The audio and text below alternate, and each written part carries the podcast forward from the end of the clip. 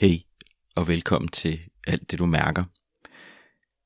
Det her er en ganske særlig episode, i hvert fald i forhold til øh, alle de episoder, jeg har lavet indtil videre. Fordi at i den her episode er det ikke bare mig, der snakker, men det er en samtale sammen med min egen terapeut og mentor, kan man vel godt kalde det, Anne-Marie Troelsen, som er øh, en gammel, gavet psykokrops- og gestaltterapeut, som jeg har arbejdet rigtig meget med de seneste år, og som jeg har øhm, lært rigtig meget af i forhold til, ja selvfølgelig både mig selv og jo også sådan mit, mit eget arbejde som terapeut. Jeg kommer helt sikkert til at lave mange flere episoder sammen med Anne-Marie, men den første af dem, vi har lavet sammen her, handler om parforhold. Og det gør den blandt andet fordi, at en af de ting, som øh, Anne-Marie beskæftiger sig rigtig meget med, det er relationer. Og der er også rigtig meget af det arbejde, hun laver, som er i grupper og øh, alt det, der ligesom kommer i spil imellem os mennesker. Vi kommer ind på rigtig, rigtig mange spændende ting omkring, hvad er det, der sker i parforholdet, og hvad er det for nogle ting, som der er rigtig vigtigt at være opmærksom på, hvis du gerne vil have et, et godt og spændende og ikke mindst levende parforhold. Og jo også, hvad det er, der gør, at det ikke altid er så nemt at have det her spændende og levende parforhold, fordi at jo netop det, noget der er levende, er ikke altid noget, der er sikkert. og det er, og det er sådan en af, en af de ting, som, som Anne-Marie netop snakker om, at der er nødt til i et godt og levende parforhold, der er nødt til at være i det en eller anden grad af usikkerhed. Og det er jo netop det dilemma, som der er rigtig mange, der står med netop i deres, i deres forhold, er, at de vil jo gerne have, at der skal ske noget, at det skal være spændende og levende. Men problemet er jo, at hvis vi gerne vil ind i det felt, så kommer det jo netop til at udfordre sikkerheden. Og det er jo der, vi bliver bange. Det er der, vi sådan, uh, det er der, der kommer noget i spil. Og det er jo det, som vi jo har brug for tit, øh, netop at få hjælp til. Fordi netop i den usikkerhed kommer alle vores øh, egne gamle mønstre og beskyttelsesmekanismer op til overfladen. Og som det jo tit sker, så er det jo både i ens selv og ens partner, og så pludselig oplever man det, som, som rigtig mange står med, at, at vi kommer sådan til at holde hinanden fast i hver vores beskyttelse, i hver vores, øh, ja, i hver af vores mønstre. Så der er, en, der er et arbejde i at turde åbne op sammen.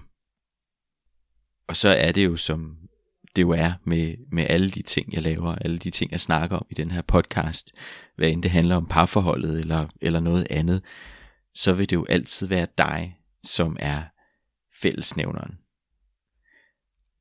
Og det vil det jo også være, hvis man sådan kigger, hvis du kigger sådan tilbage på, på de forhold, du har været i gennem tiden, så er det altid dig, der er fællesnævneren. Du har altid bragt noget af dig ind i det forhold, og det er jo det, der bliver spejlet tilbage til dig, når du kommer tæt på et andet menneske. Og det er jo selvfølgelig både i parforhold, men jo også i, i nære venskaber og andre relationer, hvor vi sådan kommer tæt på hinanden. At der er jo noget, der bliver spejlet tilbage til dig. Og der er jo altid det en åbning for, for dig at begynde at se, jamen, hvad er det, som, og det er jo det, som man i, øh, i gestalt, og som Anne-Marie også bruger meget, kalder for det her unfinished business. Altså når vi kommer tæt på et andet menneske, så vil der unægteligt på et eller andet tidspunkt, så vil den her unfinished business, altså den her uforløsthed, den her, øh, de her ubearbejdede følelser og ting, der er i dig, de vil unægteligt komme op til overfladen. Og det er jo netop der, du har muligheden for at sige, okay, skal jeg flygte og løbe min vej, som jeg måske har gjort før? Eller er det faktisk nu, at jeg skal sige, hey, for det første, så vil jeg gerne øh, kæmpe for den her relation, for det her forhold. Og så vil jeg også bruge det som den mulighed, der jo er for at arbejde med de her ting i mig selv. Og det er jo netop det, som, som parforholdet kan. Og som jo, at det er jo der, at det er allersmukkest, at når vi kan være sådan, øh, når vi kan stå sammen med vores partner som en, en, øh, en samarbejdspartner, en, en rejsemakker, så at sige, at bruge hinanden til at åbne op for os selv.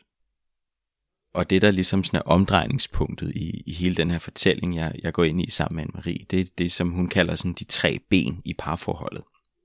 Sådan de tre hovedelementer, som alle tre skal være til stede, for at det her forhold virkelig kan være levende og åbent. Og det første element, det er ærlighed, eller transparens, eller intimitet, som hun kalder det. Altså intimitet på den måde, at vi tør være fuldstændig åbne og ærlige over for hinanden, også med de svære ting. Det andet, det er forpligtelsen eller engagementet. Altså begge parter skal kunne sige sådan, hey, jeg vil det her. Jeg vil det her forhold. Jeg vil gerne engagere mig og forpligte mig til at gøre det arbejde, der skal til, for at det her fungerer. Og så er det sidste, som, og det kommer vi jo til at snakke om, fordi det er tit det, som så er resultatet af de to første, men det er jo så netop passionen og gnisten, som jo også er enormt vigtig, for at et parforhold er levende og velfungerende på lang sigt. Så normalt så er det jo mig, der sidder og snakker alene i den her podcast. Det har det i hvert fald været de, de mange seneste episoder, bortset fra den første faktisk, jeg lavede. Så øh, i den her episode, der har jeg tilladt mig selv at øh, stille mig selv som den her lidt, øh, lidt nysgerrige, lidt spørgende øh, rolle over for Anne-Marie, og på en eller anden måde at dykke lidt ned i hendes øh, ekspertise og al den erfaring, hun har været i det her felt i, øh, i mange, mange, mange år efterhånden. Så jeg bringer jo lidt sådan min egen, mine egne erfaringer ind, og alt det, som jeg jo hører fra mine klienter, og de ting, som de bringer frem, og, øh, og bruger lidt Anne-Marie til at, at bringe de her ting i spil. Og det øh, er der kommet en, en, øh, en rigtig, rigtig spændende snak ud af, som jeg tror, at du vil kunne få rigtig meget ud af, hvad end du er i et forhold, eller at du øh, tænker, du godt kunne tænke dig at være i et forhold, eller måske bare synes, du er spændende med noget refleksion i forhold til, hvad er det, der sker, når vi kommer tæt på et andet menneske. Så med det sagt, så vil jeg bare sige øh, god fornøjelse med øh, det levende parforhold med Anne-Marie Trosen. Så Anne-Marie, en af de ting, som, øhm, som virkelig sådan har overrasket mig i min, i min egne parforhold, og som jeg også sådan meget tit hører fra, fra mine klienter, det er det her med, hvor, øh, hvor overraskende svært det kan være faktisk at være ærlig over for sin partner. Og når jeg siger ærlig, så mener jeg jo sådan med de her sådan lidt dybere ting, som foregår inde i os. Og jo tit især i forhold til nogle af de ting, som vi rigtig meget har lyst til. Altså der er jo nogle, nogle længsler og nogle ønsker, både sådan for vores parforhold, men jo også bare for vores liv generelt. Altså nogle, nogle ting, vi godt kunne tænke os. Og for rigtig mange af os, så kan det godt være overraskende svært faktisk at, at dele de her ting med vores partnere. Og det, det blev jeg sådan selv meget nysgerrig på, hvad det egentlig var, der gjorde det. Fordi at der var det her mærkelige sådan modsætningsforhold i, at det her var det menneske, som jeg var aller tættest på, og som jeg brugte altså langt det meste af min tid sammen med. Og som jo virkelig burde være der, hvor jeg burde, altså om nogle steder kunne fortælle, hvad det egentlig var, jeg havde lyst til her i livet. Og samtidig var det også tit der, at det var allersværest. Mm. Og det er også noget, jeg sådan rigtig, rigtig tit hører hos mine klienter, når vi snakker om nogle, nogle, øh, nogle meget dybere, nogle meget vigtige ting, og jeg så sådan lidt kommer ind på, om de faktisk har fortalt det her til deres partner, eller om de har delt med det. Og der er mange, der bliver sådan lidt stille, og sådan lidt, uh, det, ja. ja, nej, det har de ikke lige, eller måske ikke lige på den måde, eller det, det ved de ikke helt, om de tør, eller ja. der er noget, der sådan holder igen. Og der, uh, er nok det vigtigste ord der.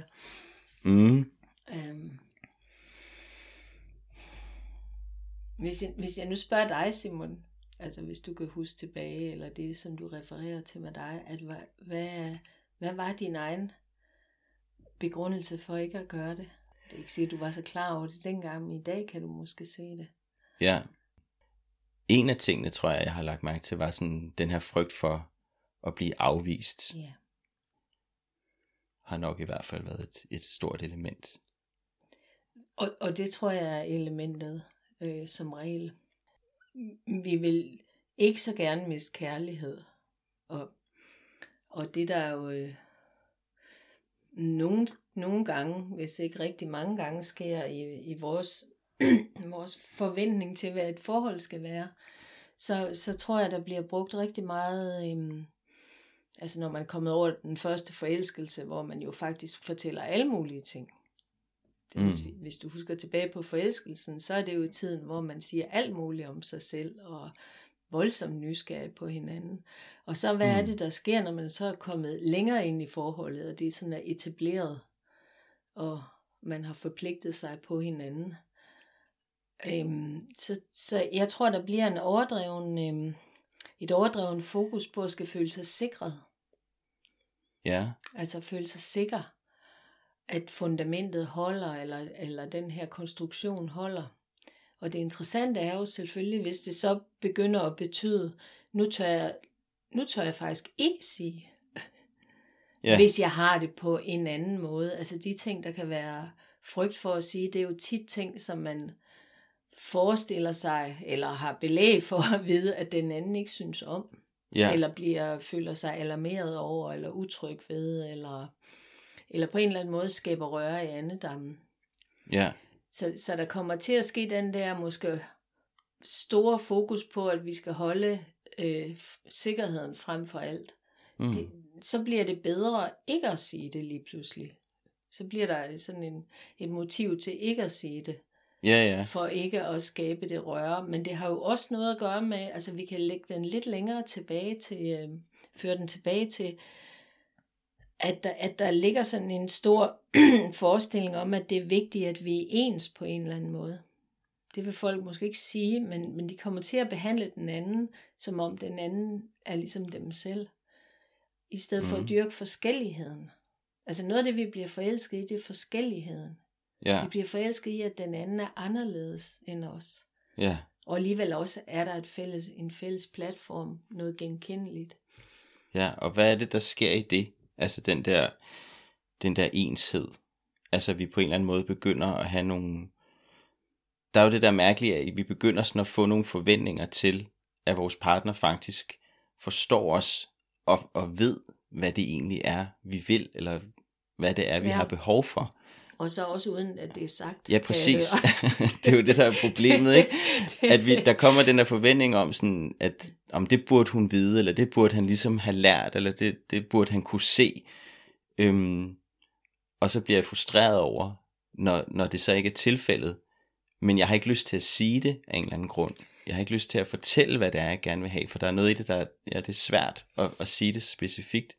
Altså man kan jo sige, at, at det er jo et skønt eksempel, du kommer med der, fordi uh, lige netop det, som du skitserer der, tror jeg er så velkendt, at du ønsker dig, at hun magisk skal regne dine behov ud, så du ikke behøver at sætte dig selv i spil mm. ved at bringe dem frem, fordi det er jo langt mere, hvad skal man sige, usikkert ja, ja. at stå med hånden frem og sige, jeg vil rigtig gerne Ja, men det kommer frygten for, for kommer, afvisning. Jo, ja, mm. frygten for afvisning, og for nogen måske også frygten for sådan at ligesom stå svagt og afhængigt. Ja, så man kan jo faktisk sige, at vi, sådan, vi kommer til at låse hinanden lidt fast i den forstand, at, mm. at jeg låser mig selv fast i, at jeg, jeg, øh, jeg har jo nogle behov, jeg har nogle ting, jeg godt kunne tænke mig, nogle ting, jeg ønsker mig, men jeg er bange for, altså for det her andet menneske er kommet så tæt på, at det faktisk er blevet enormt vigtigt, om jeg bliver set af det her menneske eller ej.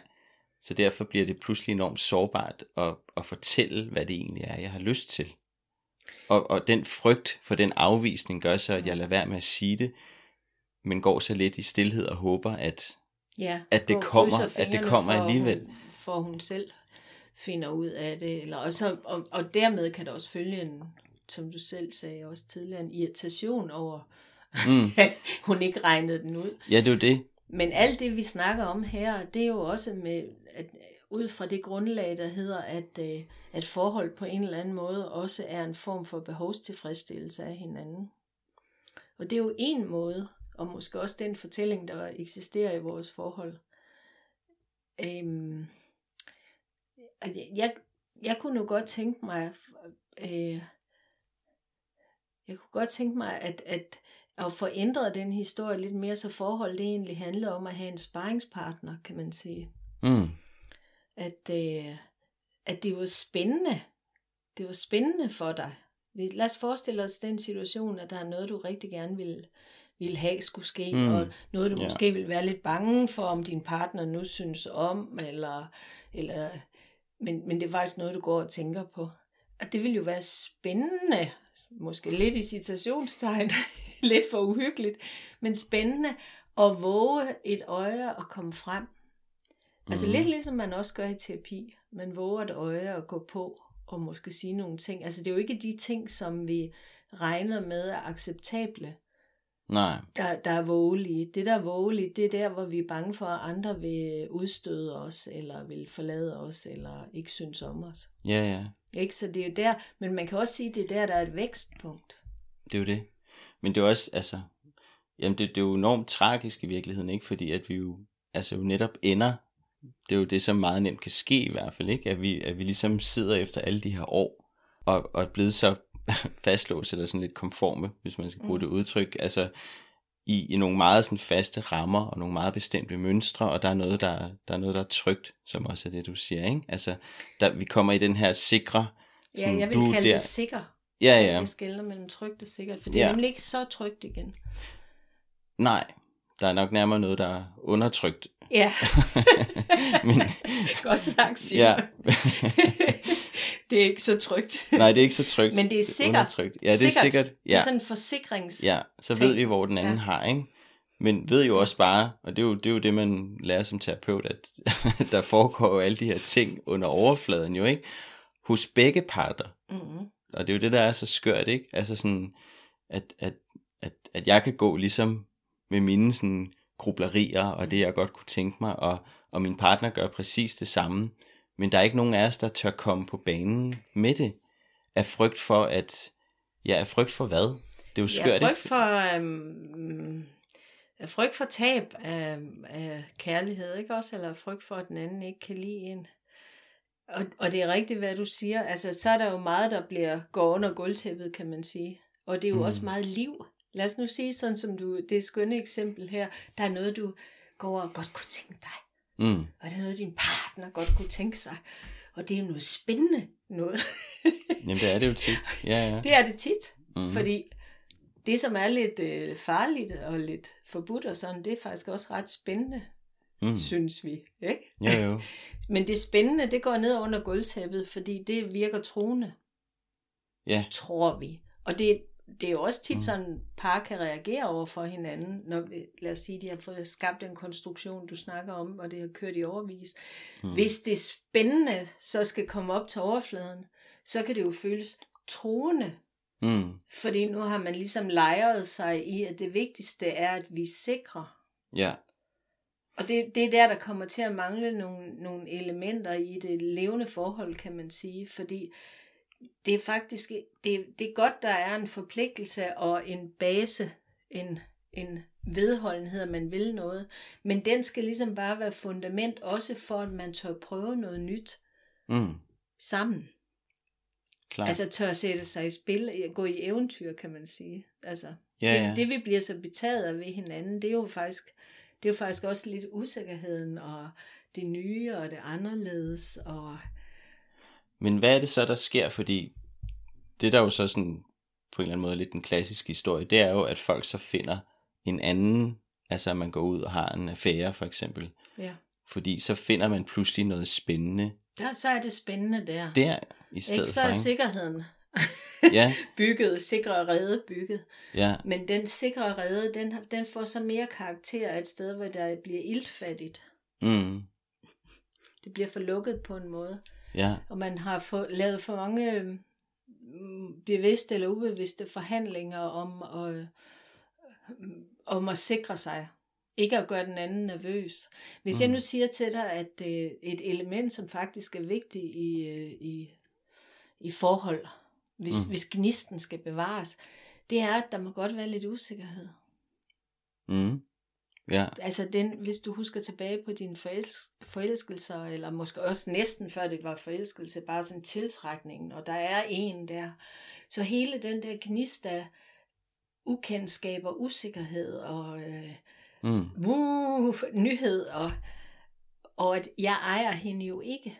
nej, Og så, så derfor kan der jo være noget voldsomt dræbende i, i, i den der konstruktion, der bliver bygget i for meget sikkerhed. Ja.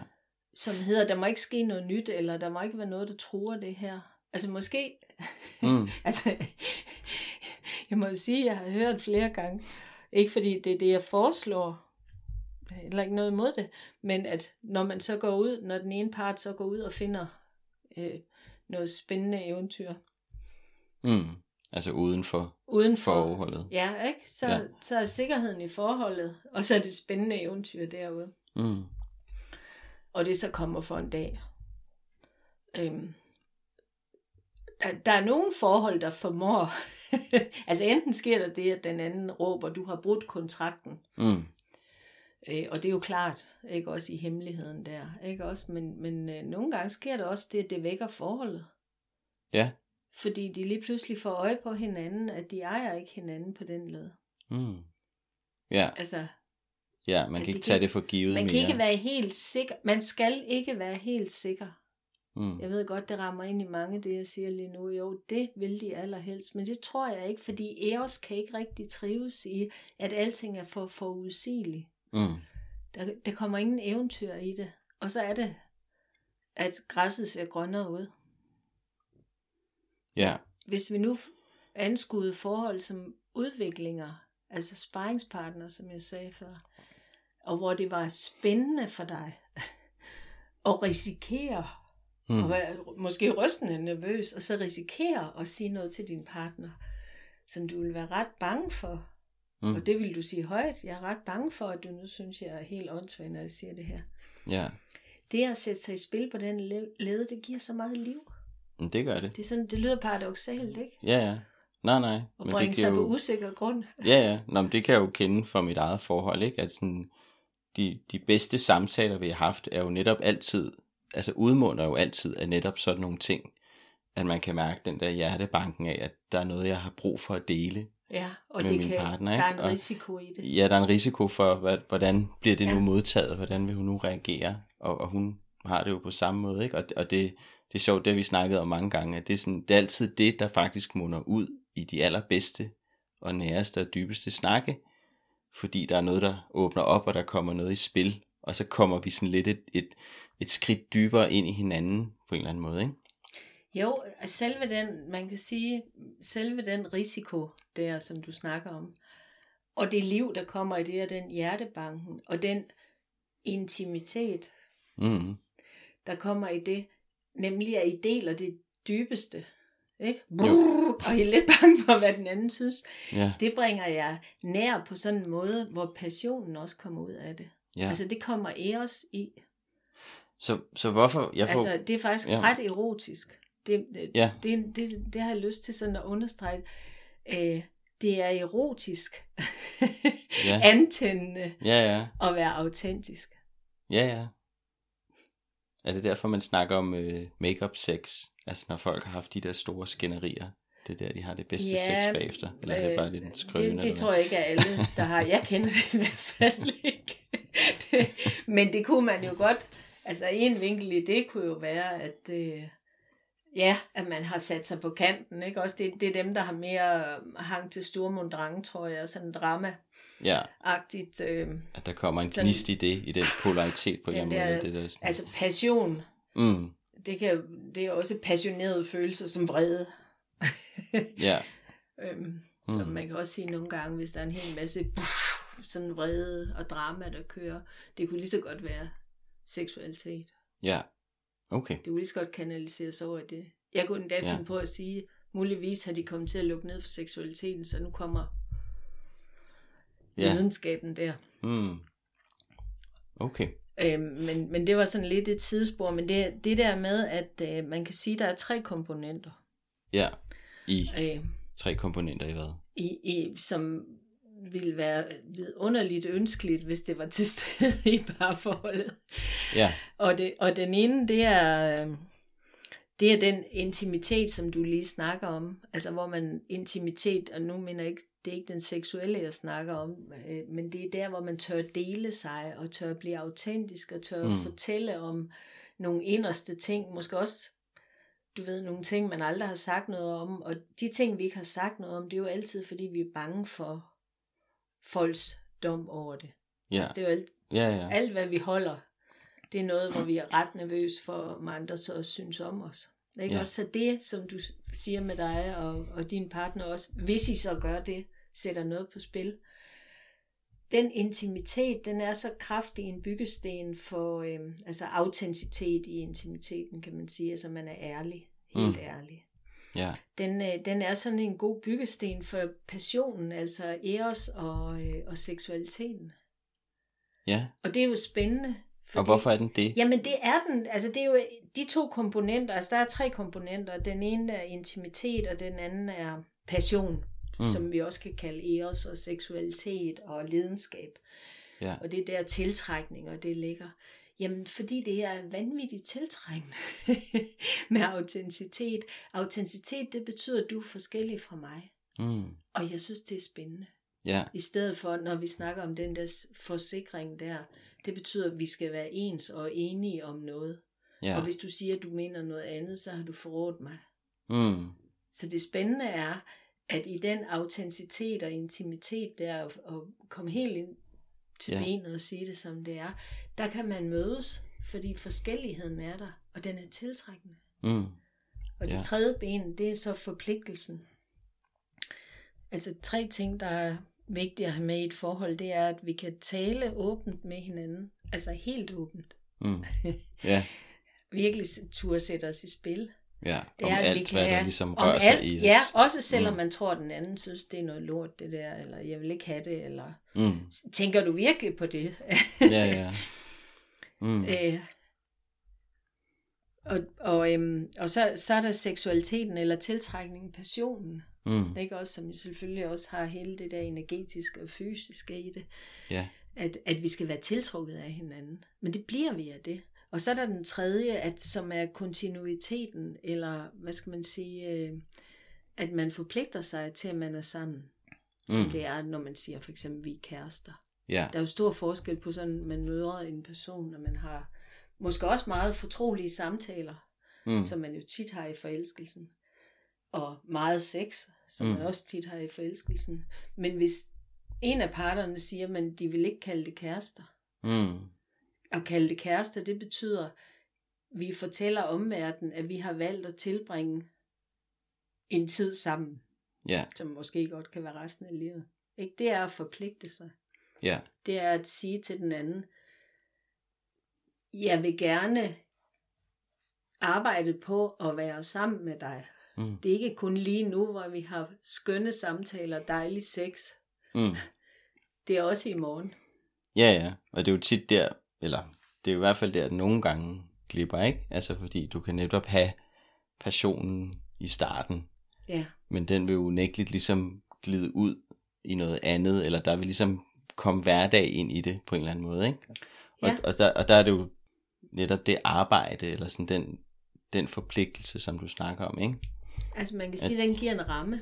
Ja, Hov, nu afbryder det. Simon. Nej, nej. Ja, nej, jeg kom bare til at tænke på, at sådan, det er jo, altså det du siger med, med de her tre elementer, de skal jo være der alle sammen, fordi der er jo også forhold, hvor man jo har forpligtelsen, fordi der er en, en øh, næsten sådan en, øh, hvad kalder man det, en, ikke en moral, men, men der er ligesom en, øh, jeg, jeg kan ikke lige komme på ordet, men, men du ved, der er en regel, man bliver sammen, uanset hvad, altså fordi det er ligesom, øh, det er det kodex, vi følger, eller det, det er det, vi gør i min familie, eller det er det, jeg har Mm. lært, at selvfølgelig bliver man sammen, uanset hvor, hvor upassioneret og hvor lukket det er.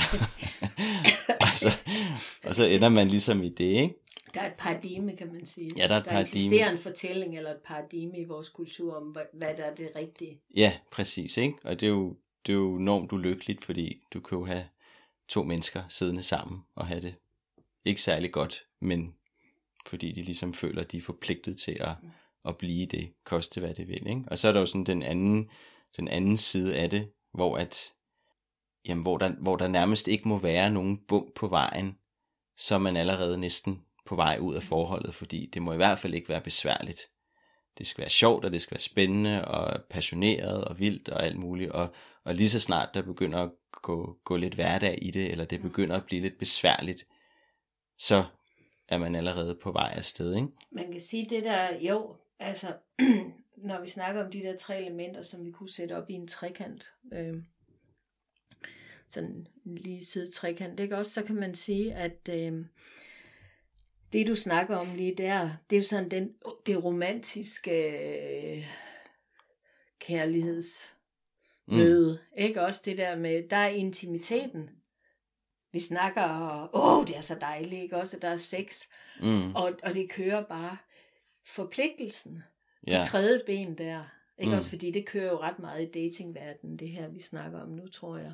Ja, ja. Og øhm, Ja, ja. Ja, der, det, der bliver det nok øhm, understreget, kan man sige, fordi øh, at, at det bliver måske lidt sådan surfe videre til den næste, med den samme øh, jagt på den der romantiske lidenskab. Men, men i forpligtelsen, så, øhm, altså hvad skal man sige, det er en, det funda, der er en fundament i det. Mm. Fordi hvis du nu skal risikere dig, risikere at sige nogle ting til din partner, som du ryster over og skal sige, så er det godt at vide, mm. at hun har sagt, at hun vil faktisk gerne være sammen med dig. Ja. Så hun vil gerne åbne sig, eller strække sig, eller mm. virkelig forsøge at lytte på dig. Det, altså det, ja. det giver tryghed. Ja. Og nu siger jeg tryghed, og ikke sikkerhed. Nej, nej. Det giver, ja, det giver tryghed. Mening. Ja, for der er en tillid i det, ikke? At den anden har forpligtet sig, eller øhm, altså man kan, jeg tænkte på forpligtelse. Jeg kan godt lide det ord, fordi det er lidt forbudt. ja, det er meget sjovt, kalde, ikke, at det er blevet sådan. Jamen, det er blevet sådan, og ja. det, det har så, der er noget i vores kultur her, som, som egentlig illustrerer det, du snakkede om, det der med, at det skal være sjovt og alt muligt. Men, øh, men hvis, vi kan også kalde det noget andet. Vi kan kalde det at engagere sig. Mm. Altså at sige ja. Ja. ja, og det er derfor, altså det er jo det smukke i ægteskabsløftet, ikke også for, for better and for worse, ikke også i medgang og modgang. Mm. Og igen vil jeg gerne vende tilbage til, hvis vi dog kunne betragte forhold som udviklings øhm, mm, muligheder. Fordi ja. der er et menneske, der kommer så tæt på os. Og derfor kommer det selvfølgelig også ind i alle de der ømme steder. Mm. Som hvis man sad i en terapigruppe, det var nogle steder, man gerne ville finde. Ja. Når man går i terapi, så, så, så er man på en måde en jæger og en sporhund, der er på jagt efter at finde de steder. Øh, mm. I hvert fald, når man er kommet et stykke ind i terapien. I starten har man måske bare lyst til, at terapeuten tager en tryllestav frem og ordner det, men når man har opdaget, at det går ikke. Så, så bliver man optaget af, at, øh, og måske endda næsten nysgerrig på, hold da op, der er noget, jeg reagerer helt vildt på her. Mm. Og når man er lidt erfaren i det, så ved man, hov, der er noget at hente. Ja. Der er noget ubevidst, der kommer op. Ja. Ja, så nu, så nu snakker du om, om, hvad kan man sige, den forskel, der kan være på at gå i, i terapi som, som person, som enkeltperson, øhm, hvor man faktisk er nysgerrig på nogle ting om sig selv. Ja, og så på at være med en partner. Og så på at gøre det samme med en partner, eller på en ja, eller anden måde. og nu snakker jeg om terapi med en partner, men tænk, hvis vi kunne tænke det sådan, Ja. At, at hov, for dalen, der reagerede jeg godt nok på noget. Ja. Det var da interessant, at jeg reagerede så voldsomt på det her. Helt klart. Hvor, men, hvad må det hænge sammen med? Men hvis, man så, hvis jeg nu skulle være lidt djævelens advokat, så tænker jeg, at der, der, at der er nogen, der vil sige, at mit parforhold skal da ikke være terapi. Mit parforhold skal være, det skal være rart, og det skal være dejligt. Jeg skal ikke føle, at jeg går i, øh, jeg skal ikke føle, at jeg går i terapi Nej, det er, heller ikke, det er heller ikke det, der er min pointe, at man skal mm. føle det. Men vi er, altså fordi jeg tror ikke, vi skal tænke så meget på, om jeg går i terapi eller ikke terapi. Øhm, det er måske lidt en faldgruppe at tænke det sådan, men er jeg interesseret i at udvikle mig som menneske? Mm. Det er jo ikke no, kun noget, der foregår i terapirådet, men det håber jeg i hvert fald ikke. Øh, det skulle gerne være et inspirationsrum og et laboratorium, som jo sådan set er med til at sætte en proces i gang, så det kører hele tiden. Mm. Og det ja. du startede med at, at tale om, det der med, at, øh, at det på en eller anden måde kan være kørt i en blindgyde. Mm. Sådan, det kan man godt kalde det, altså hvor, hvor der er bygget så meget på øhm, strukturen eller sikkerheden, eller, eller man har vendet sig til at være i forhold, det betyder at skære en hæl og hakke en tog, altså at gøre sig mindre. Mm. Ja. Og så, nu kan lytterne jo ikke se det, men jeg hæver det ene øjenbryn, ikke? fordi jeg gør sig mindre. Det, det er egentlig det. jeg mener, at hvad søren er det, at vi, øh, og det, jeg ved godt, hvad det er, det er, fordi vi er bange. Mm. Vi er bange for at, at, at blive forladt, eller udstødt, eller at den anden ikke kan lide os. Ja. Og paradokset er jo, at 99 ud af 100 1000 gange, havde jeg nær sagt, nej, ud af 100 gange, så er det sådan, jeg har jo set det masser af gange i parterapi, at, at når de der inderste ting kommer, hvor Mm. man er i spil, ja. så åbner den andens hjerte sig. Ja. Og skrækfantasien var, at så bliver jeg udstødt. Ja. Så der får jeg jo lyst til at spørge, hvad, hvad er det så, hvad er det du gør, når du får, når du får et par ind? Øhm, det ved jeg godt et meget sådan Det er et utroligt stort spørgsmål. Men, men, ja. ja, hvad tænker men forstår du, hvad jeg mener? Nå, men det er jo bare sådan, Øh, Jeg, jeg kan godt forstå ordene, men jeg tænker, hvad spørger du egentlig om, Simon? Hvad bliver du nysgerrig på? som terapeut, så har man jo tit folk inden enkeltvis, hvor at man kan jo høre, at man arbejder ligesom med nogle ting, der rører sig hos dem, og hvad der ligesom er deres øh, problematikker eller udfordringer, eller sådan veje i livet på den ene eller anden måde.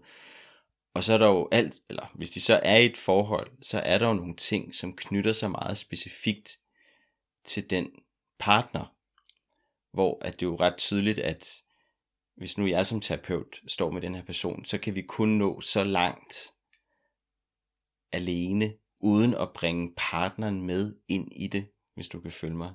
Og så bliver jeg bare nysgerrig på, sådan, hvad, og jeg, igen, jeg ved godt, det er et meget åbent spørgsmål. Måske, måske spørger du om, hvad, altså, hvad man kan gøre. Ikke? Fordi det er jo rigtigt, som du siger, man kan arbejde enkeltvis, eller nu holder jeg nu allermest af at arbejde med gruppe. Mm, det er jo Det. Og det er mange mennesker sammen, fordi jeg Ja. synes, det er spændende med menneskers interaktioner. Det er jo det, der bringer tingene i spil. Mm, Men, men når jeg har et par inde, øh, hvis du spørger, hvad jeg gør, jamen jeg lytter mm, først og fremmest øh, og ser, hvad er det for nogle mønstre, fordi for et hvert par, så er der, så er der nogle grundkonflikter i spil. Der er Mm. nogle forskellige grundkonflikter. Og det er jo, det er jo en, måske ikke noget, folk er klar over, men når man møder et menneske og forelsker sig i det menneske, så synes man, man forelsker sig i nogle alle mulige øh, vidunderlige og positive ting. Og det, man måske ikke er helt bevidst klar over, det er, at man forelsker sig også i nogle konflikter, kommende konflikter. ja. Med andre ord, det binder an til barndomsstoffet. Mm, Så man forelsker sig også i en person, som, hvor der på en eller anden måde, det ved et eller andet mere intelligent i os, at øh, den her person, den bærer også noget med sig, mm, hvor jeg vil blive aktiveret ind i det stof. ja. Ja, Man kan sige det sådan, at øh, der var nok mange, der ville påstå, at det var ikke lige det, de havde Ja, skrevet op hvis til. de, hvis de nu laver en, en annonce på dating, så står der ikke, og du skal, du skal have nogle problematikker omkring det her, ikke også? Eller du skal være opfarende, sådan så jeg bliver forskrækket, fordi det minder mig om noget fra min barndom. Det er Mm. der ingen, der vil have det sådan. Nej, nej. Men sandheden er, at, at vi bliver også magisk tiltrukket af nogle problematikker, mm. og hvis man skal snakke sådan gestalterapeutisk, som jeg jo også er, så vil man sige, at vi bliver tiltrukket af det, der er ufærdigt. ja, Altså lad os sige, at vi bærer noget med os fra barndommen, som på en eller anden måde sidder fast. ja, En, en konflikt, en problematik, et traume. ja. Og vi bliver tiltrukket af, og at det måske, Mm. altså på en eller anden måde er der noget lovende ved den her person. Altså, Så man kan sige, det også... så man, Ja. det kunne måske heles. Mm. Lad os nu sige, at man har haft en, en uh, reserveret fjern far, Mm. og så møder man en mand, som, uh, som jo er utrolig tiltrækkende. Han har også lige det der træk af lidt distance. Mm. man ser en gang imellem, ikke? Jo. Og det, der er lovende i det, set fra, hvad skal man sige, konflikten inde i ens øh, øh, synspunkt, det er, tænk hvis den mand Mm. netop kunne være fuldstændig overstrømmende i sin kærlighed. Den der lidt reserverede mand. Mm. Hvis han jo fuldstændig ubetinget kunne elske en, som faren øh, ikke så ud til at gøre, ikke? Ja. Så det, så det er det lovende i det. Men, men det der selvfølgelig er, det der kommer til at ske, det er, at han kommer til at vise den side, ja, som han har, og som er set. Mm. Jeg så det, Ja, ja. ikke? I hvert Men, fald på men vi ubevidst, erkender på et ikke, ubevidst ja, plan, på et ikke? ubevidst plan, men vi erkender ja. sjældent, Nej, nej. Og det, altså, det er ikke en del af vores kærlighedsfortælling, kærlighedsforholdsparadigme, at vi bliver forelsket også i Mm. de mulige problemer, Ja, der vil dukke op. Og de bliver jo kun, altså de bliver jo problemer, fordi de kommer til at sidde fast. ja. Men det er også derfor, man ser, at, at, at folk ligesom ryger ind i de samme forhold igen og igen, hvis ikke de på en eller anden måde formår sådan at, at komme til bunds i de ting, der bliver vagt, eller de dynamikker, der bliver sat i gang. Og så siger man, stopper man forholdet, eller det ligesom bliver afbrudt, og så på et eller andet tidspunkt, så ryger man ind i et nyt forhold, og så er det præcis de samme problematikker, der kommer i spil. Ja, det er den berømte nissen, der flytter med. Ikke? Jo, jo. Men det er jo det, er fordi det er de problematikker, man selv har. Derfor kunne det jo være Mm. utrolig værdifuldt, Ja, når man har i hvert fald øh, en vis erfaringsalder, ja, at sætte sig ned og kigge på, der vil jo være nogle forskelle fra det ene forhold til det andet. Men der vil også være Mm. noget fællesnævner. ja, Og fællesnævneren, det er en selv. det er klart. Det, det, der, der er en pil, der peger hen på noget, som det måske kunne være interessant at arbejde med. Ja, Men det- når og jeg det, sidder med par, det vil, Mm. jeg, jeg vil godt lige vende tilbage Ja. og svare på dit spørgsmål. Når jeg sidder med par, Mm, øh, den måde jeg gør det på, altså selvfølgelig kigger jeg, lytter, men, øh, men jeg, jeg gør jo ofte det, at, øh, at jeg ikke lader dem tale særlig meget med hinanden, men lytte på hinanden. mm, Så jeg giver for eksempel den ene meget taletid og komme helt til bunds, mm, og den anden skal bare lytte og, og, øhm, og spejle det, bruger jeg også tit. Altså gentage det, mm, sådan så de er nødt til at høre efter. ja, Øhm, men simpelthen bare at få øjnene af hinanden, så kommer de ind i det der autentiske rum, så hjælper jeg det ind i det autentiske rum. Og det var det, jeg talte om før i det intime rum. ja, At når de så kommer ind i det rum, mm, så sidder den anden partner og, og øhm, ret ofte åbner hjertet sig. Ja, Og, og der bliver en større forståelse for, når det er derfor, du trækker dig. Og, Mm. altså, ja, og det trækker jo også tit ned i barndommen. Og det, og det er rigtigt, som du siger, der er faktisk rigtig mange øh, mennesker, der ikke har fortalt hinanden de sværeste ting. mm, Og måske igen ud fra den samme devise, at hvis du hører det her om mig, ja, så vil du ikke synes, jeg er tiltrækkende. Eller... nej, nej. Det er jo den erfaring, på. man har med sig, Det, ikke? det, det, er jo den, det er jo man, man ligesom barndomshistorien. bevarer sådan den, den sidste lille kerne, fordi Ja. det er der i hvert fald det ingen, der har skammer jeg lyst mig over, det vil Mm. jeg simpelthen ikke sige. Og, men, og det er så mirakuløst, Ja, eller det kan det i hvert fald være, Mm. at, at netop det ja, kan være det, der får den anden til at åbne op. ja, Altså, det- jeg må jo sige, det er tit, når folk kommer i parterapi, så kommer det lidt for sent.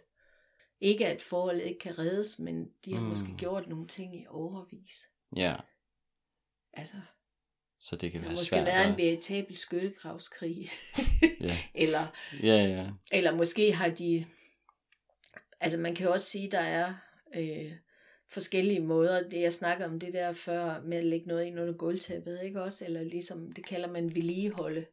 Mm. Altså man lader som om, der ikke er nogen ja, ting, der rumsterer.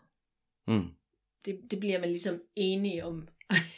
ja, Så vi lader som om, vi har en eller anden Ja, pseudo-konsensus ja. om Ja. ting, kring tingene, ikke også? Præcis, så inde ikke? bagved går man måske og bider tænderne sammen og Ja, ja, det er jo- det er jo det, jeg hører fra mange klienter, når de sådan kigger tilbage på deres egen barndom, for eksempel, ikke? At de som voksne begynder at reflektere over sådan alle de usagte ting, som man jo fornemmer som barn i en familie, ikke? Men det er noget, det bliver der ikke snakket om, eller Ja, det bliver ligesom, sådan er det øh, jo i nogle familier. Og så er der andre Mm. familier, hvor det er fuldstændig, fuldstændig afviklende. Altså man er i krig og mm. skændes, og der er en vinder og en taber. Og Ja, den der vedligeholdende, det er, at vi lægger det ind under gulvtæppet.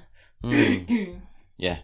Så det er ligesom sådan en af de, hvad kan man sige, overlevelsesstrategier, der kunne være, sådan, og Ja. den vedligeholdende, som du snakker om, ikke? At Ja. sådan, altså hvis der kommer et par ind, som er vant til simpelthen at slynge beskyldninger i hovedet af hinanden, og skændes og såre hinanden rigtig meget.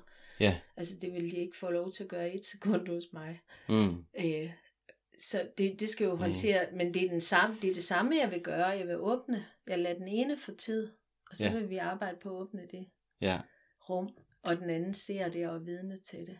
ja, og så vil jeg bytte om, ikke? Så er det den andens tur bagefter. Så det vil sige, at jeg bringer dem sådan set, Ja. når det går rigtig godt, så er de kommet ind i sådan en dyb autenticitet hver især for øjnene af hinanden. Mm. Så det handler ikke så meget om hos mig, at de sidder og snakker om, og så sagde du, og så sagde jeg. Men det handler om, at de fortæller om, hvad der sker i dem. Mm. Måske dengang du sagde sådan. Ja, Og hvad det mener dem om. ja. Det giver mening. Og hvilke følelser, der kommer op. Og i, i samme øjeblik, de kommer, Mm. så kommer den andens kærlighed strømmende. Ja. Ret Og det, ofte. ja, ja. Og det er jo det, der er det virkelig er det fine, ikke? Hvis man sådan som, og det var også helt tilbage til det, du startede med. Altså hvis man sådan kan gøre det sammen som par. Altså Ja. at gå ind i det rum, ikke? Ja. Altså sådan, det, jeg har jo, og det er jo, det er jo, ja, det er jo sådan lidt tragisk, med det der med sådan, der er også, der er jo mange forhold, hvor den ene ligesom er nysgerrig på det der med at arbejde med sig selv og gøre op med nogle ting. Øhm, fordi man jo også begynder at kunne se, at ja, hvis man sådan på et eller andet tidspunkt har arbejdet med sig selv og gået nok i terapi, så begynder man jo sådan at se de der mønstre, der udspiller sig, også i forhold til sin partner. Men hvis det kun er mig som den ene, der har lyst til at gøre det, og min partner siger, nej, det, det har jeg ikke lyst til. Det må ligesom være dit, dit projekt at arbejde med dig selv. Så, så ja, på en eller anden måde, så bliver det altid kun lidt det halve, det halve arbejde, i hvert fald i forhold til, til relationen, ikke? Jamen, øhm, det vil jo gøre noget i relationen. Mm. Så, så hvis vi tager det fiktive eksempel, som, så kan man jo også sige, altså en ting er, at man kan invitere sin partner med i parterapi, men det, det er rigtigt, det er ikke alle, der øh, øh, lige tør sige ja til det. øh, men man kan også, øh, man kan også sige, hvis du gik i terapi, og du blev, fordi det der jo sker, når man går i terapi, man starter jo med nogle problemer, som er trælse, men det, det jo, snart bliver det jo til, at man bliver nysgerrig på udviklingen. Ja. Og det er når den der sult kommer, og en nysgerrig appetit på nu, ej, Mm. hold da op, der er sket en forandring i mig, og jeg kan lide den. Ja. Så vil man have mere. Ja. Ikke? Så, det, er så, klart. bliver det, så bliver det faktisk også en måde at, øhm, at leve sit liv på. Nu Mm. mener jeg ikke i terapirummet, men i det, der sker det udenfor også, at man oplever, at man udfolder sig, Mm. og får udfoldet flere kronblade. Ja. Okay, Yes. hvis man er i stand til, nu siger vi, at du har gjort det, og du så er i stand til at bringe det hjem i dit forhold, Mm-hmm. Det vil sige, at du opfører dig pludselig på en anden måde, Ja. eller du bliver mere varm, eller du bliver mere, eller du foreslår, skal vi ikke lige snakke lidt mere om det her, jeg kan mærke, der er noget vigtigt i det, ikke? Mm. Det er klart, det udfordrer måske den anden. Det har vi jo aldrig gjort før. Hvad skal du til til? Nej, det er det. Det kan Mm. der ske, men der kan også ske det, at den, der ligesom har gået en vej, kan bringe det ind. Ja. Men hvis der sker det, du kommer hjem fra terapigruppe eller noget, som var helt vidunderligt og skønt, Mm. og så går du, glider du lige ind i den gamle ramme, Ja. så går du og bider tænderne sammen og synes, det er noget irriterende noget, hun ikke gider være med til det. Mm. Hvis du bringer det ind, man kan også bare sige, at du kan invitere det ved at være det. Præcis. Men så er du i lige netop den problematik, som vi startede med, at være bange for at vise nogle nye sider, Mm. Som sandsynligvis et, en stund lige vil ryste din partner. Det er jo det. Ikke? Mm. Ryste. Fordi, uh, hvad så? Ja, Nu, nu rokker båden. præcis. Ikke? Så, den der, så, så det vi egentlig taler om, det er den der villighed, eller risikovillighed. Og som jeg mener er faktisk rigtig nødvendig for, at passionen kan blive der. Mm. Altså lige før talte, øh, øh, tror jeg også du sagde noget, hvor det var ligesom implicit, at passionen, den, så kommer dagligdagen, sagde du. Ja, det var det, du sagde. Mm. Og det er jo så interessant, ikke også? For det er jo ligesom det modsat passionen. Men det er jo, når vi deler det op. Ja. Fordi hvis jeg nu siger til dig, at hvis i den dagligdag, at du virkelig bestræber dig på en autenticitet, altså virkelig mærke ordentligt efter inden i dig og, og formidle dig, Mm så bliver den ikke så øh, mm, grålig, som det, det andet lige lød med dagligdagen. Så bliver det noget levende. Ja, det synes jeg bare er meget interessant, lige præcis det der, fordi at det som jeg jo sådan fornemmer mange kan gå med. Og jo også bare sådan i den måde, vi lever vores liv på i dag med, med børn, og vi har travlt med karriere, og der er ligesom, der er mange ting i spil. Så, så den der plads, der er til parforholdet, bliver sådan, bliver relativt snæver i forhold til alle de andre ting, der foregår. Og så samtidig med, at vi jo så rigtig gerne vil have noget, noget passion eller noget, øhm, hvad kan man sige, noget liv ind i det, vi så har sammen som par, ud over alt det praktiske eller sådan, ikke? Men også det der, du siger med, så på en eller anden måde, så, så kommer det til at blive sådan som to adskilte ting. Og hvis vi så ikke har tid nok til at gøre det passionerede, så, så kommer det til at mangle. Men det der, jo, det der jo det spændende i det, det er jo, at det passionerede, det kommer jo i kraft af, at vi faktisk tør være åbne over for hinanden og intim med hinanden. Også på, altså på det der samtaleniveau. Altså lige præcis det, du siger, ikke? At hvis jo mere vi tør bringe os selv i spil, også bare sådan på det helt daglige plan, så vil, så vil det, vi savner, som jo sådan er passionen, det vil jo faktisk udspringe af netop det. Ja. Giver det mening? Det altså, giver så meget mening. Ja. Og altså, hvis vi snakker om de tre ben, ikke også med intimitet og forpligtelse og passionen, mm. så kan man også sige, at hvis vores partner ved, der er forpligtelsen eller engagementet, ikke? Ja. jeg vil noget med dig. Mm. Det kan Ja. du godt regne med. Jeg vil noget med dig. Ja, præcis. ikke bare i det, det nu. Der er tid, en tidsfornemmelse i det, ikke også? Jo. Den er lige så vel, øh, hvad skal man sige, den, den hjælper intimiteten også. Den hjælper, jeg tør sætte mig i spil over for dig. Ja. Fordi du har også, du vil også noget med mig. Ikke? Du har, du har helt specielt Ja. valgt, at du godt vil bruge noget tid på mig, Præcis. og jeg på dig. Ja. Ikke? Det, Mm. det giver et fundament for at våge et øje, kan man sige, ikke også? Jo. Og det, altså de tre dele sammen, eller de to dele, vil også give passionen. Ja, det er jo det. Som jo er Ikke? det, så, som... så vil det ikke som, være den grå dagligdag, og så kan vi håbe på at have en kærestedag med lidt passion. Nej, Det lyder forkert, ikke også? jo, det gør det. Eller når du siger, Meget, ikke ikke? have Ja. tid. ja, ja. Fordi på en eller anden måde, Simon, hvis det er levende på den måde, så handler det jo ikke om at have tid, så handler det om måden, man er i verden på. Præcis. Selvom man har travlt måske. Det er jo det.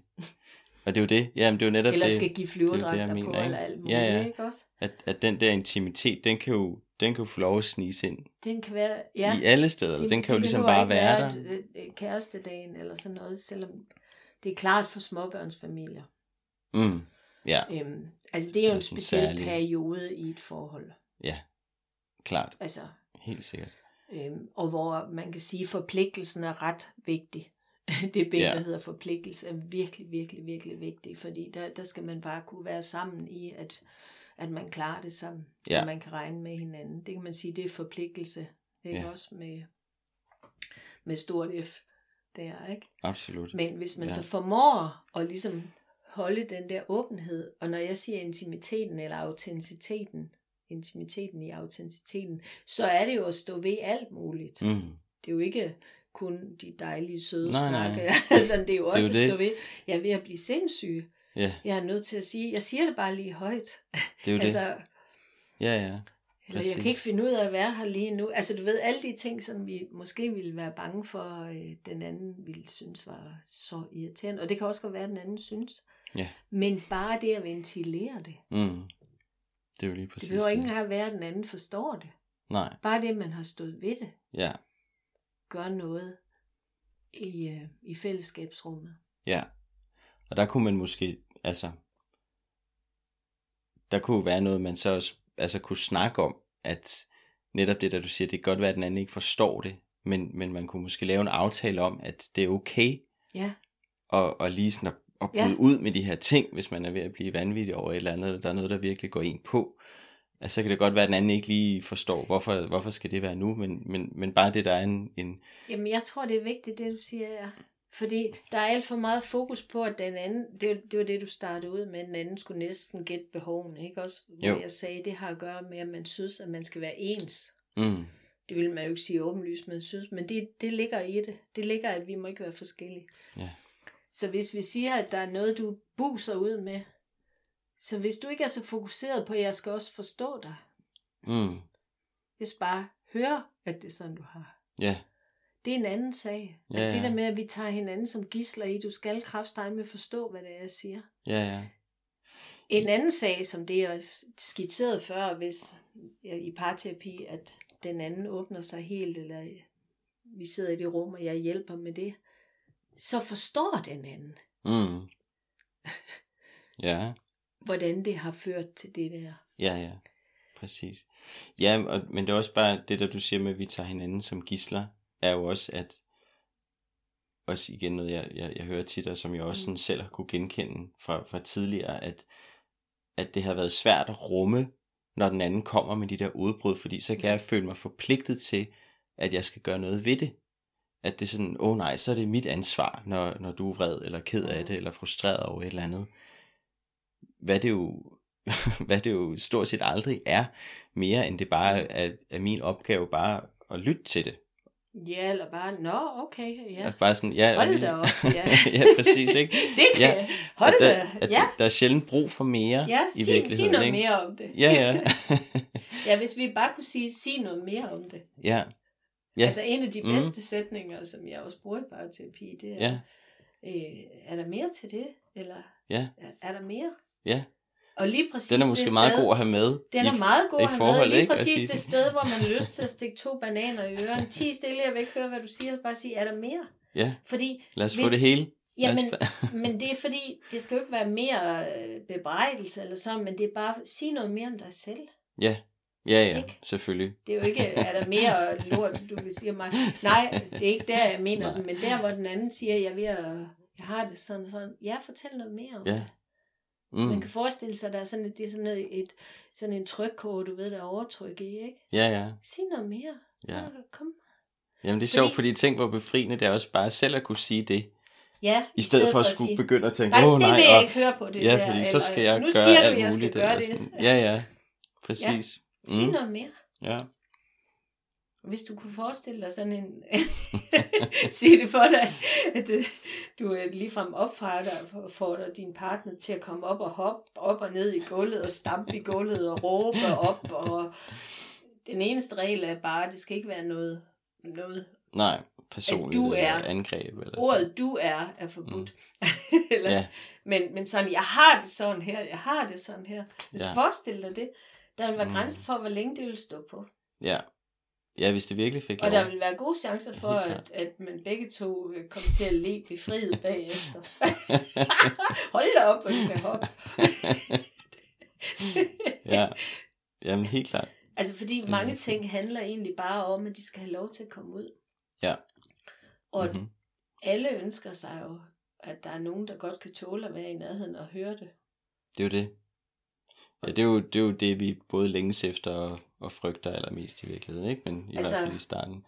Hvis, hvis der ikke ligger i luften, at, at det betyder så også, at du skal forstå mig, og du skal gøre det, jeg vil have. Mm.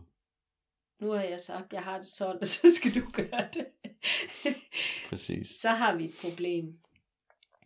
Fordi så kommer vi ind i, Mm. i den der sammenflydning, vi kunne kalde det, at vi ikke må være forskellige. Ja, ja.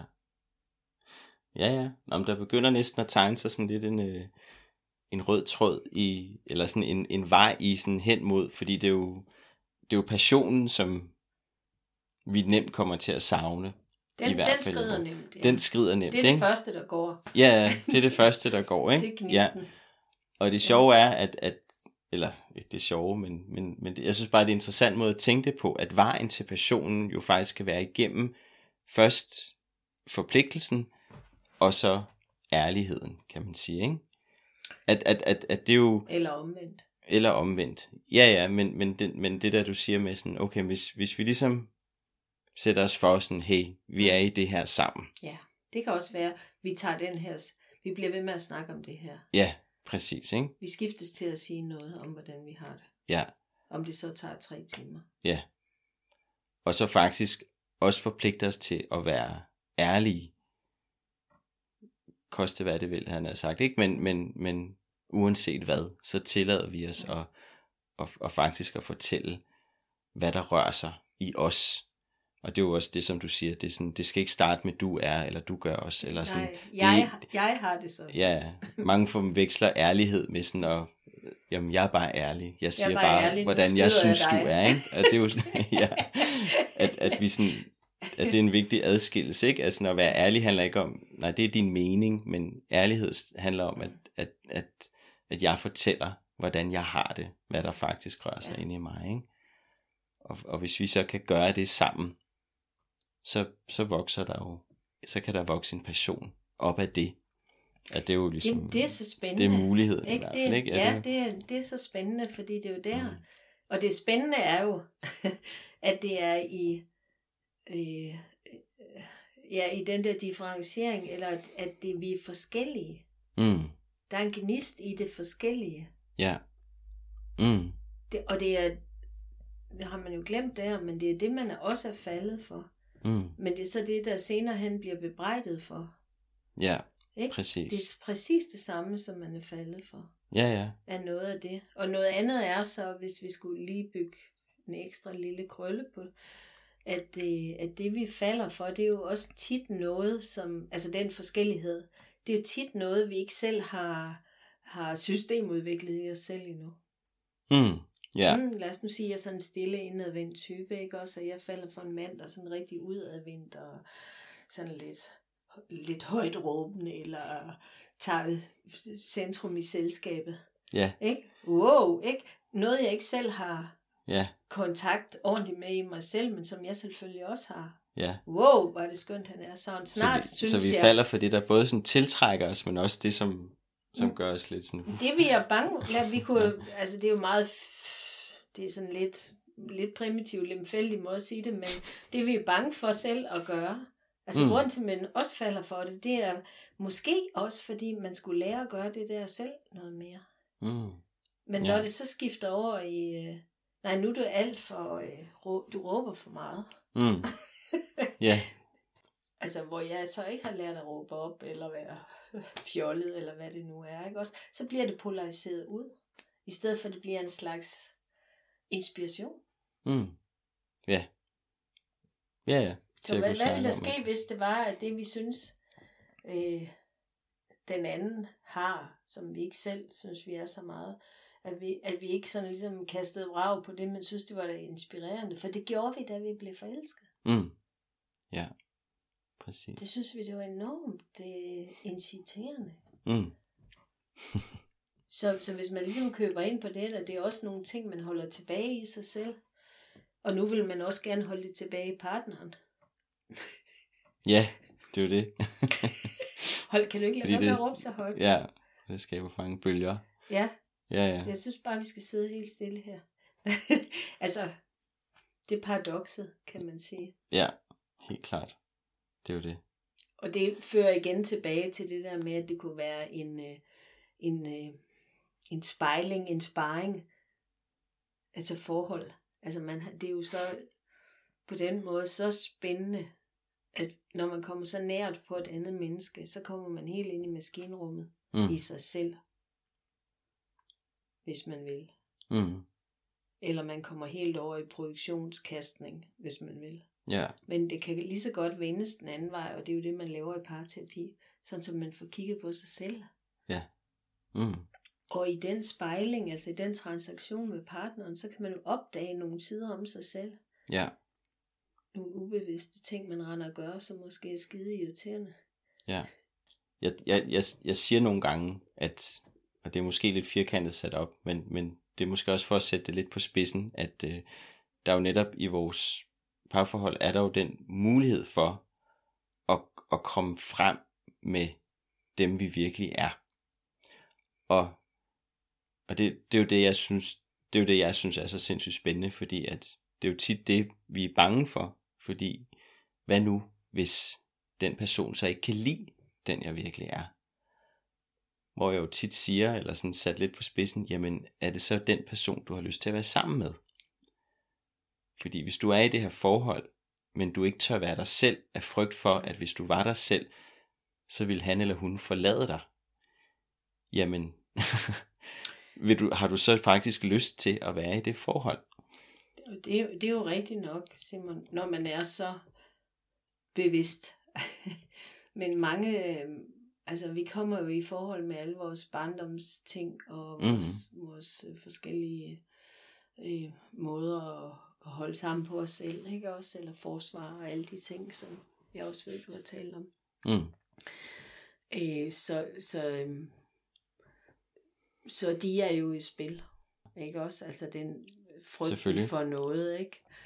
Mm. Hvis det er, når jeg er helt ærlig, at den anden så siger, at den ikke kan lide mig, så holder det jo ikke, det her. Ikke også? Men det kræver jo et stykke vej at komme derhen. Jamen, det er og have så meget, øh, hvad skal man sige, mm. selvståenhed. Det er klart. altså, øh, for de fleste, der bliver de så bange for at miste. Mm. Enten miste øh, tilhørsforhold, eller bliver så bange for at miste deres selvstændighed. Alt efter hvad for en type man er, hvilket forsvar man har. Så det er egentlig kampen om det, der står. Så, øhm, men det er fuldstændig rigtigt. Og, og, og som sagt flere gange nu, ikke? sandheden er jo, at hvis man faktisk øh, tør stå ved sig selv, Mm. men det er jo det, en hel terapeutisk proces handler om, overhovedet at opdage, hvem sig selv Ja. måske er. Øh, hvis man overhovedet tør stå ved sig selv, det er jo vanvittigt tiltrækkende. Mm. Præcis. Altså, Ja. altså bare en person, der siger, jamen, men, men det er så sådan, jeg har det. Mm. Og nu siger jeg det i den her tone, og ikke i, men det er sådan, jeg har det. Nej. det er så sådan, jeg har det. Altså, det kan også godt være, at du synes, det træls og sådan, men, men, øh, men helt ærligt, så er det sådan, jeg har det. Mm. Øh, så det er bare nødt til at stå ved. Ja. Mm. Nu er bolden givet op, ikke også? Kan du mærke det? Ja, absolut. hvad siger den anden så? Ja, det er det. Fordi der er jo en skønhed, i- Meget. uanset hvad. Ja, rigtig meget. Så er der også en skønhed i en, en person, der på en måde står ved det. Ja, ja. Og tager Det er enormt stærkt for det. jo, ikke? Ja, jeg tager ansvaret for det. Det er bare sådan, jeg har det. ja. Det er ikke for at genere dig, jeg har det sådan, eller Nej. øhm, Nej, for at såre dig. Men, men det er bare sådan, det er i mig. Ja, helt klart. Det er, Mm. det, er- det er et voldsomt erotisk udsagn. Ja. Jamen, fordi det bliver mennesker tiltrukket af. mm. Ja. I hvert fald, hvis det sådan får lov til at udfolde sig, ikke? Jo, Mm. det, men det er tiltrækkende, fordi øh, det er en tydelighed. Ja, Det er et menneske, der står er tydeligt, ja, ja. og tør stå ved det. Mm. Altså, det ønsker vi alle sammen at være. Ja. Mm. Så det er dragende. Så mere øh, frem med, jeg har sagt svisken på disken, men øh, Mm. mere ærlighed, mere autenticitet, mere vågen. Øh, den, den form for fortrolighed, det er. Ja. Altså ligesom venskaber bliver jo også dybere af, at man virkelig tør øh, fortælle ja. hinanden noget. Også, altså, og det er altid de der forbudte eller skamfulde. Eller... Altså i virkeligheden har du alt at vinde jo, ikke? Altså, jo, jeg kan ikke se det, men både nu er i- jeg også... Nej, nej. Ja. Miljøskade i det. Jeg kan ikke se, Mm. at man har noget at vinde. Ved ikke at gøre det. Nej, Nej, nej, Altså, fordi du har både noget at vinde i forhold til dig selv, og dit forhold til dig selv, og så i det forhold, du er i. Altså sådan det... Ja. Altså, man kan jo sige, at det går faktisk den vej, som du siger, sådan som jeg ser det. Ikke? Også, du vinder Mm. mm. noget i forhold til dig selv. Mm. Det Mm. er derfor, jeg sagde før, at at lad være med at hænge dig så meget hjem, den anden forstår det. Bare du selv forstår det, Mm. Ja, og kan stå ved det. ja, Der er gode chancer for, at den anden forstår det også. Så. Men ja. i stedet for at kræve den der gisseltagning, som jeg sagde, du skal forstå, hvad jeg siger, ja. som om du var mig. Mm. som, som du ikke er. Øh, så selve det at stå ved sig selv, modtagen sig selv, kan man også sige. Ja. Stående ved det. Det øh, gør, at man også nemmere kan modtage den anden. Det er mystisk, ikke? Jo, Og lige til. og lige til. Tak for snakken. Selv tak. Det er et dejligt emne. Ja, det er det. Et spændende emne. ja. Det kommer vi nok til at tale mere om. kunne Det er der gode mig. muligheder for. Ja.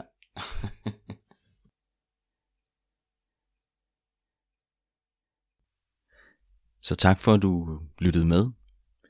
Som altid, hvis det her øh, bringer noget i spil for dig, måske i forhold til det forhold, som, som du står i lige nu, så øh, er du altid velkommen til at skrive til mig på simonsnablagkropsvis.dk hvis det er noget, du er nysgerrig på, har kommentarer til, eller måske noget, du har lyst til at, at arbejde videre med.